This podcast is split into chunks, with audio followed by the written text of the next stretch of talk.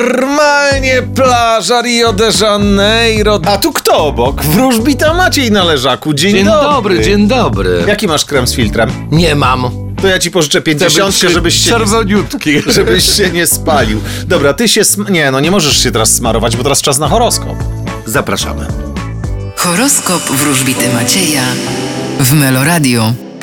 Baran, Będziecie zadowoleni z nadchodzących dni. byk, Jesteście trochę kapryśni, bardziej docencie to, co macie. bliźnięta, Czeka was dokonanie ważnego wyboru. rak, Będzie bez zmian. lew, Możecie być trochę rozkojarzeni, a więc uważajcie na podejmowane przez was decyzje. panna, Powinniście prawdziwie wypocząć.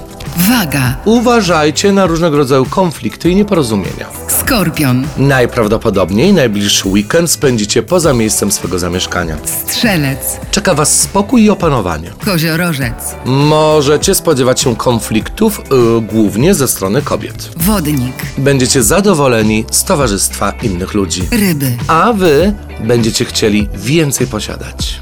Bardzo ci dziękuję, ale powiedziałeś mi, że wodniki będą zadowolone z towarzystwa innych ludzi. Czyli co, mam patrzeć w lustro, tak?